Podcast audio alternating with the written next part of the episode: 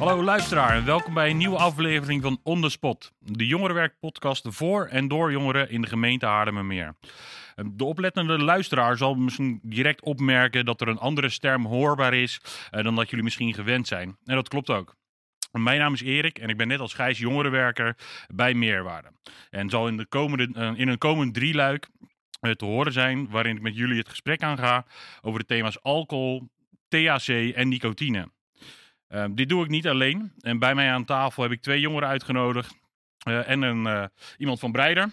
die gaan zich zo dadelijk zelf even voorstellen. Um, en ik wil eigenlijk met jou beginnen, Jurjen. Ja, goed. Mijn naam is Jurjen. Ik ben 28 jaar oud. En ik werk bij Breider als preventiedeskundige.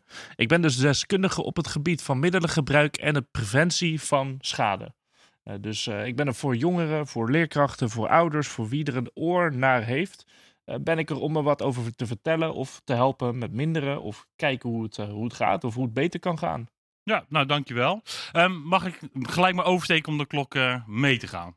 hallo, ik ben Faya, ik ben 18 jaar oud en ja, ik woon in de omgeving Hoofddorp en ja, ik kom meedelen aan deze podcast. Ja, leuk, dankjewel. En de laatste?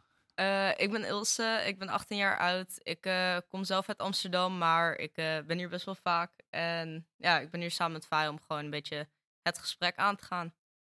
Ja, nou heel leuk, dankjewel. Um, nou ja, ik hoop zeker over, om, om ja, met jullie over deze thema's in gesprek te gaan. En als eerste thema wil ik eigenlijk het, thema alcohol aanhalen.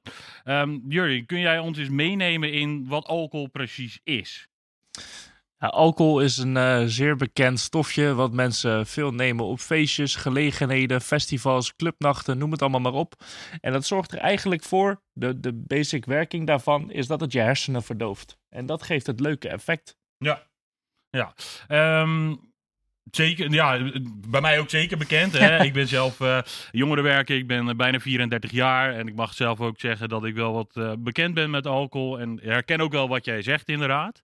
Um, als ik naar jullie mag kijken, Faya en Ilse. Um, zijn jullie bekend met alcohol? Komen jullie tegen in, in jullie vrije tijd of in, in het omgaan met jullie vrienden? Ja, zeker wel eigenlijk. Best wel heel veel eigenlijk, ja. En uh, ja, hoe, hoe is er, of kunnen jullie ons meenemen in, in een eerste ervaring of een eerste keer dat jullie het zijn tegengekomen, alcohol? Is dat iets wat je zelf hebt ervaren of is dat misschien vanuit thuis uit dat je ouders daar ook hè, het, het, het ook namen? Nou, mijn, mijn ouders drinken persoonlijk eigenlijk allebei niet, maar Mhm. ik was wel in een vriendengroep gekomen, zeg maar, waarin dat wel heel veel gebeurde. Ja. Dus eh, ja, best wel in mijn tienerjaren ben ik eigenlijk wel begonnen met best wel veel drinken eigenlijk, ja. Ja. En is dat dan ook zelf omdat je daar een bepaalde interesse naar hebt gekregen? Of was het, uh, ja, zoals we zelf, zelf wel eens zeggen, uh, een beetje volgedrag van hè, mijn vrienden doen het, dus ik wil het ook doen? Ja, ik denk allebei wel een beetje. En uh, ja, ik ging toen ook niet echt naar school, dus ik had gewoon niet heel veel te doen. En ik had ook gewoon, ja, wel veel problemen. Dus dan is het soms wel fijn om gewoon even je hoofd te verdoven, zeg maar. Ja. Ja, en hoe is dat bij jou? Um, ja, mijn ouders dronken allebei wel aardig wat. Dus ik was er al wel bekend mee, zeg maar, vanaf een jongere leeftijd. Alleen mijn interesse erin begon wel pas toen ik wat ouder werd. Een beetje aan het begin van mijn tienerjaren. En toen, ja, weet je, dezelfde vriendengroep als Faya. Dat het gewoon heel erg was genormaliseerd, zeg maar. En ik denk bij ons specifiek ook dat wij heel erg door de hele coronacrisis daar vooral heel erg in verstrikt waren geraakt. Omdat Mhm. we gewoon allemaal niet naar school gingen en we waren gewoon een beetje buiten gewoon aan het chillen. En dan is dat iets heel makkelijks om daar te grijpen. Ja. Uh, Jurjen, wat zijn uh, de belangrijkste risico's van alcohol? Ja, wat jongeren het meeste zullen merken, is dat alcohol best wel lastig is om, uh, om mee om te gaan. Vooral met de percentages.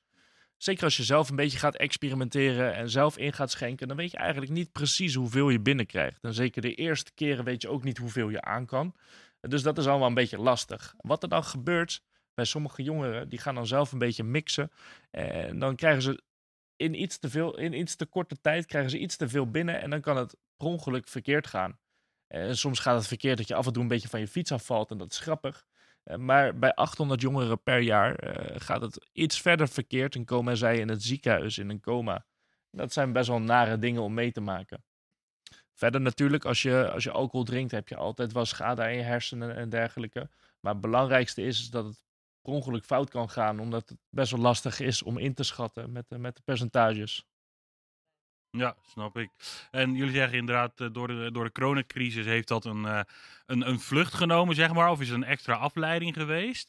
Ehm, nou, ik kijk dan gelijk even naar Jurjen, want hè, de coronacrisis heeft nou ja, sowieso op iedereen eh, een, een behoorlijke aanslag gehad. Eh, is het iets wat je ook bijvoorbeeld landelijk bij, bij jongeren terugziet in, in het gebruik? Ja, je ziet het bij gebruik zie je terug. Je ziet het bij somberheid zie je terug. Eh, er zijn net nieuwe cijfers binnengekomen. Ik heb ze niet allemaal in mijn hoofd zitten. Maar wat, wat eruit is gekomen, is dat het gebruik is, eh, is best wel eh, verhoogd geweest in de afgelopen twee jaar. De somberheid is omhoog gegaan, gemiddeld bij jongeren in de afgelopen twee jaar. Het is best wel logisch dat dat allemaal gevolgen heeft Ja. eh, voor, voor jongeren. Mhm. Ja, en eh, nou ja, ik hoorde zowel Faya als Iels ook zeggen van, nou ja, eh, de, de een heeft er vanuit huis helemaal geen ervaring mee, de ander wel juist heel sterk. En dat ook wel dat ze er nou, al wel in haar tienerjaren mee in aanraking komen. Ehm zitten daar dan ook nog bepaalde nou ja, risico's aan in het al zo vroeg ehm, in contact komen of in aanraking komen met alcohol? Ja, je ziet dat als, als je vroeg begint met alcohol gebruiken, maar ook met andere middelen, dat de risico's best wel wat groter zijn dan als je wat later begint. Vooral de risico's op afhankelijkheid zie je dat eh, groter wordt. Eh, De risico's op eh, schade aan de hersenen zie je ook dat groter wordt. Dus het is heel belangrijk, ja, heel stom gezegd, dat die niks 18 regel een beetje wordt gevolgd. We weten natuurlijk dat het best wel lastig is en dat het niet altijd haalbaar is. Maar die regel is er natuurlijk niet voor niks. Nee. Nee, en de Niks 18 eh, reclame, die zijn ook laatst weer heel erg in het nieuws geweest. Ehm, maar we hebben het hier over, over tienerleeftijd en, en jonge leeftijd. Ehm, maar vanaf welke leeftijd hè, ko- kom jij het überhaupt tegen in je werk? En vanaf wat voor leeftijd is het ook echt een, nou ja, echt wel nou ja, nog meer schadelijk als dat het al eigenlijk is natuurlijk. Ja, over de, de, de schadelijkste leeftijd, dan hebben we het ongeveer rond de 13. Dus wel echt vroege tienerjaren. Daarvoor werken we ook niet heel veel met de jongeren. Breider, werk, breider jeugd werkt voor, voornamelijk met jongeren vanaf 13. Eh, dus daaronder, dat merk ik niet heel erg. Eh, we hebben wel eens enkelingen op de basisschool die in contact komen met cannabis of met eh, alcohol. Maar gelukkig komen we dat niet heel vaak tegen. Nee. Nee. En zit daar dan ook nog een, een bepaalde factor of een risico in dat het bijvoorbeeld al thuis heel erg genormaliseerd is? Ja, ja, zeker. Ouders vergeten af en toe dat zij eigenlijk de grootste influencers zijn van jonge mensen. Dat zijn de, de eerste voorbeelden vanuit, vanuit je jeugd die je meekrijgt. Bewust of onbewust.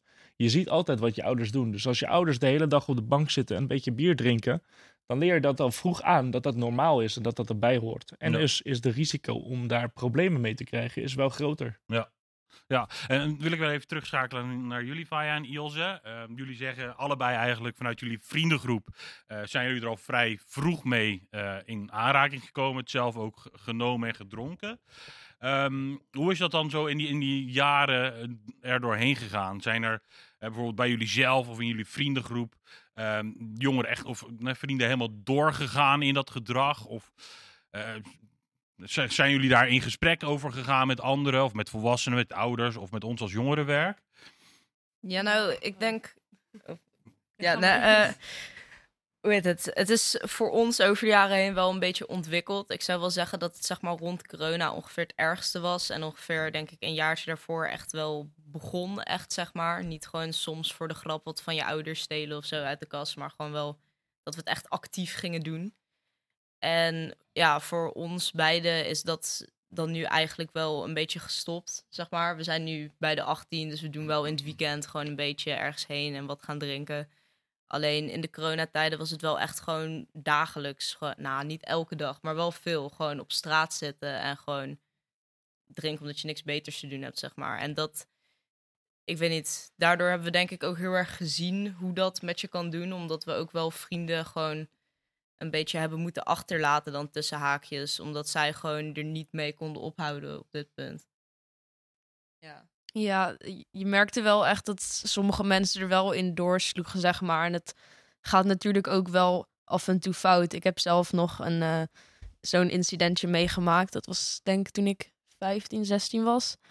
toen eh, waren we ook gaan drinken, best wel veel. Aan het eind van de avond wou ik gewoon naar huis fietsen. Dat ging natuurlijk niet zo makkelijk. Nee.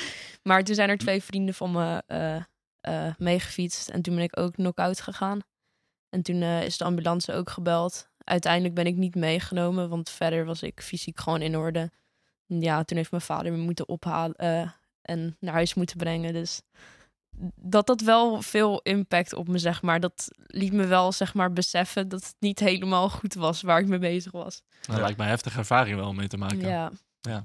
En, en eh, je zegt, nou ja, mijn vader heeft me moeten ophalen. Eh, is dat dan ook een, een, een soort van eh, startschot geweest om het in ieder geval bespreekbaar te maken thuis? Of is dat sowieso geen, geen, geen issue geweest bij jullie? Nou, ik, ik heb wel altijd al gehad dat ik wel gewoon alles met mijn vader kan bespreken. Soms gaat het niet heel makkelijk, maar het kan wel altijd, zeg maar. Dus het was niet per se dat ik het er niet over kon hebben, maar hij wist ook niet echt dat het zo problematisch was. Nee. En hoe was het bij jou, Ilse? Want jouw ouders, ja, die waren geheel onthouders, zoals ze dat mooi noemen. Ja, eh, hoe heet het? Ik had zeg maar, toen ik eh 15 was, zeg maar, toen het allemaal een beetje begon, eh, was mijn moeder overleden. En met mijn vader heb ik eigenlijk toen voor een paar jaar gewoon de hele tijd een hele hobbelige relatie gehad. Ben best wel vaak uitgezet, heel veel bij Faya geslapen. Maar toen, ja, op mijn zeventiende ben ik uit huis gegaan en nu, ja, woon ik in Amsterdam ook op mezelf. Dus gaat nu een stuk beter. En nu heb ik wel met een paar dingen dat ik wel contact ermee onderhoud met mijn vader. Bijvoorbeeld als ik hem dan een keer zie, is wel van, oh ja, ik ging daar en daarheen. Ik ging een beetje drinken, dit, dat. Maar ja, ik kan hem alles wel vertellen, maar het is nooit echt geweest dat ik daar echt behoefte aan had. Of dat het zeg maar echt fysiek kon. Nee, nee, Dus- nee. En eh, ik durf bijna te zeggen, in ons werk als jongerenwerk, we zien veel jongeren op straat, eh, dat er wel misschien heel veel meer jongens en meiden, eh, zoals jullie zijn, waarin het misschien moeilijker is om iets bespreekbaar te maken. Eh, wat voor tips zouden jullie, hè, want jullie zijn nu inmiddels 18 jaar, hè, dus volwassen voor de wet, wat voor tip of suggestie zouden jullie de, nou ja, de jongeren mee willen geven? Nou, nou, ik zou sowieso zeggen dat als je gewoon, hoe heet het, ouders hebt die er gewoon 100% voor je kunnen zijn, benader hun sowieso altijd erover als je het gevoel hebt dat dat een beetje kan. Maar ja, ik weet dan ook van eigen ervaring en van vrienden dat er gewoon best wel veel huishoudens zijn waar dat gewoon niet mogelijk is. En ouders die misschien ook wel juist zulke extreme reacties zouden hebben dat je er amper aan wil beginnen. En dan zou ik gewoon heel erg aanraden om in ieder geval met je vrienden er ook over te praten. Want ja, in je vriendengroep, je stuurt allemaal elkaar aan. En als, als je echt zeg maar zo diep erin zit dat je het gevoel hebt dat je vrienden je niet meer kunnen helpen, zou ik gewoon iemand zoals meerwaarde aanspreken. of je school, je school kan ook, zoiets. ja. Eh, en, en heb jij daar nog aanvullingen op, Faya? Of, of- Ja, ik denk een beetje hetzelfde. Gewoon goed op jezelf letten en gewoon toch het gesprek blijven aangaan. Gewoon. En ja, ja, dat eigenlijk wel. Ja. Eh Jurjen, heb jij hier nog aanvulling op? Of heb jij überhaupt nog, misschien nog vragen? Of vanuit, eh vanuit eh Faya en Iels nog vragen aan Jurjen over, over dit stuk? Of, Nou, als aanvulling, het is op de meeste leeftijden, rond in de tienerjaren, is het lastig om te kijken naar de toekomst. Het is ver weg. Dus ook aan jezelf werken en dergelijke. Het is allemaal ver weg. Het is allemaal lastig. Maar uiteindelijk word je 18, uiteindelijk word je ouder en dan ga je denken, ja, ik moet aan mezelf gaan werken. Dus als je daar wat meer gedachten aan kan geven, bijvoorbeeld denk er een keertje na in de douche over. Over hoe, hoe, hoe ben je tevreden met je leven? Ben je tevreden met het gebruik wat je hebt nu? Wil je er iets mee? Dat zijn, dat zijn wel gewoon geef jezelf van die momentjes om daar eens een keer over na te denken. ja. Dat is wel belangrijk. En kunnen jongeren jou, jou ook op een, op een bepaalde manier bereiken? Ja, sowieso via meerwaarde natuurlijk altijd. Uh, maar ik probeer ook af en toe uh, op, de, op straat te zijn uh, en een beetje contactgegevens uit te wisselen. Je mag me altijd appen als je mijn nummer hebt of via meerwaarde mijn nummer hebt. Je mag me altijd bellen, mailen, maar dat is een beetje ouderwets. Dus gewoon appen mag altijd. Ja, en ben jij op een of andere manier ook nog via sociale media uh, te vinden? Ja, mijn privé-account wel, maar... nee, maar is er vanuit Breider of Breider Jeugd een, een, een, een Insta of een, een Snap waar ze in ieder geval anoniem uh, eventueel hun vraag kunnen stellen? Nou, het, het is wel een, een, punt waarin we nog kunnen ont ontwikkelen als Breider. Um, maar we hebben een Instagram waar je een, app, waar je een DM naar kan sturen altijd. Ja. En uh, los van, van jullie nou ja, organisaties breider? Zijn er nog meer eh, websites of, of eh, nou ja, platforms waar je de jongeren naartoe zou willen verwijzen op het moment dat ze eh, wel een vraag hebben, eh, maar het niet aan hun ouders durven te stellen of niet naar ons als meerwaarde durven te gaan, waar ze eventueel anoniem of via het internet hun vraag kunnen stellen? Ja, er is een website genaamd drugsinfoteam.nl. Die is ook onder andere beheerd door de breider. Mhm. Ook voor, voorheen door mij. Ehm, en- maar dan kan je anoniem vragen stellen. Dus als je daar echt niet durft naar je ouders te gaan, niet naar anderen te gaan, maar toch een vraag hebt die misschien wel heel belangrijk is, dan kan je naar die website toe gaan en gewoon die vraag naar ons opsturen. Ja. En daar gaan we geen oordeel over geven. Het maakt eigenlijk helemaal niet uit wie je bent. Het, het gaat er ons om dat die vraag voor jou beantwoord wordt. Ja, en, en is dat dan inderdaad gewoon dat ze via een, een DM iets kunnen sturen en dat ze daarop reactie terugkrijgen? Of moeten ze echt gebeld worden? Of... Nee, dat, is, dat gaat gewoon via een, een, eh, een, een vraag en antwoord. Dus je stuurt je vraag naar ons op via de website. En dan krijg je via, eh, of via of de website of via de mail. Als je het anoniem wilt, krijg je dan antwoord daarop. En we hebben eh, mogelijkerwijs in deze podcast ook nog wat minderjarige eh, luisteraars. Eh, hoe is dat voor hun? Want in veel dingen is het inderdaad, moet er toestemming van ouders zijn? Of hoe, hoe, hoe zit dat dan in het kunnen stellen van een vraag? Het is volledig anoniem, dus we vragen ook niet naar de leeftijd. Oké, dus we kunnen gewoon, maakt Ja. niet uit welke leeftijd die vraag aan jou stellen. Ja. Nou, super. Ja. Ehm, nou ja, los daarvan, zoals het al eerder is gezegd, eh, ook bij ons als jongerenwerkers kun je eh, je vraag stellen. Wij zijn veel in de wijk aanwezig. We zijn op alle sociale eh, platforms beschikbaar en bereikbaar. Op Facebook, Instagram, Snapchat, TikTok. En die kun je eigenlijk allemaal vinden onder jongerenwerk, laagstreep meerwaarde. Maar schroom ons zeker ook niet om op, ons op straat aan te spreken. Ehm, en dan kunnen we jou in ieder geval naar je, naar je vraag of naar je suggesties eh, luisteren en kijken we, eh, ja, of dat wij jouw vraag kunnen beantwoorden. Eh, ofwel misschien via jou kunnen doorsturen naar, naar Jurjen. Ja, heel graag. Ik vind het heel leuk om met jongeren over dit soort dingen te praten. Het, onderwerpen kunnen mij niet gek genoeg. Ik hoop gewoon dat ik je ergens mee kan helpen. Ja, nou heel goed. Ehm, nou, ik denk dat we even naar mezelf kijken en dit thema al een, een, een mooi- mooie aanzet hebben kunnen geven. Ehm, nou, in, in een volgende podcast gaan we graag op een, eh, nou ja, op een ander thema verder. Het heeft heel veel ook raakvlakken met alcohol.